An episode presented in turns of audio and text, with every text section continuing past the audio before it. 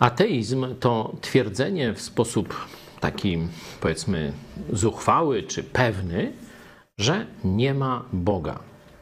Głupotę takiego stwierdzenia obrazował kiedyś profesor Jotkowski na jednym z wykładów, rysując okręg e, i pokazując, że przyjmijmy, że to jest pełna wiedza wszechświata. Gdzieś jakiś taki kawałeczek, malutki podzbiór, to będzie Twoja wiedza. Troszeczkę większy, jakiś taki malutki obważanek z tego wielkiego e, koła, to jest wiedza wszystkich ludzi. No ale zobaczcie, jeszcze jest ogrom wiedzy, której nie mamy.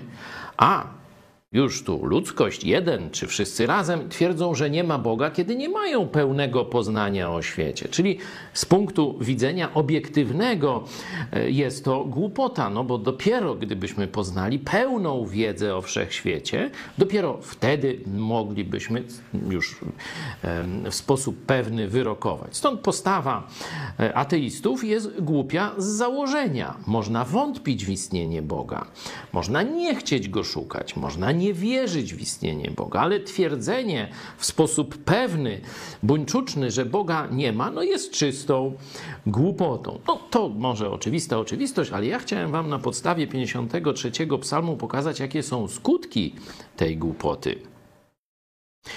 Głupi rzekł w sercu swoim: Nie ma Boga. I następny werset. Są znieprawieni, popełniają ohydne czyny, nie ma nikogo, kto by dobrze czynił, i tak dalej, i tak dalej. Zobaczcie, wybór tego, czy Bóg jest, czy nie, on determinuje też później zachowania moralne.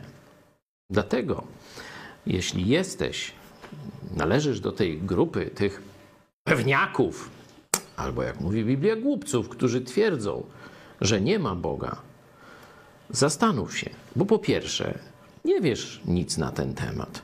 A po drugie, może to zniszczyć całe Twoje życie i Twoich bliskich.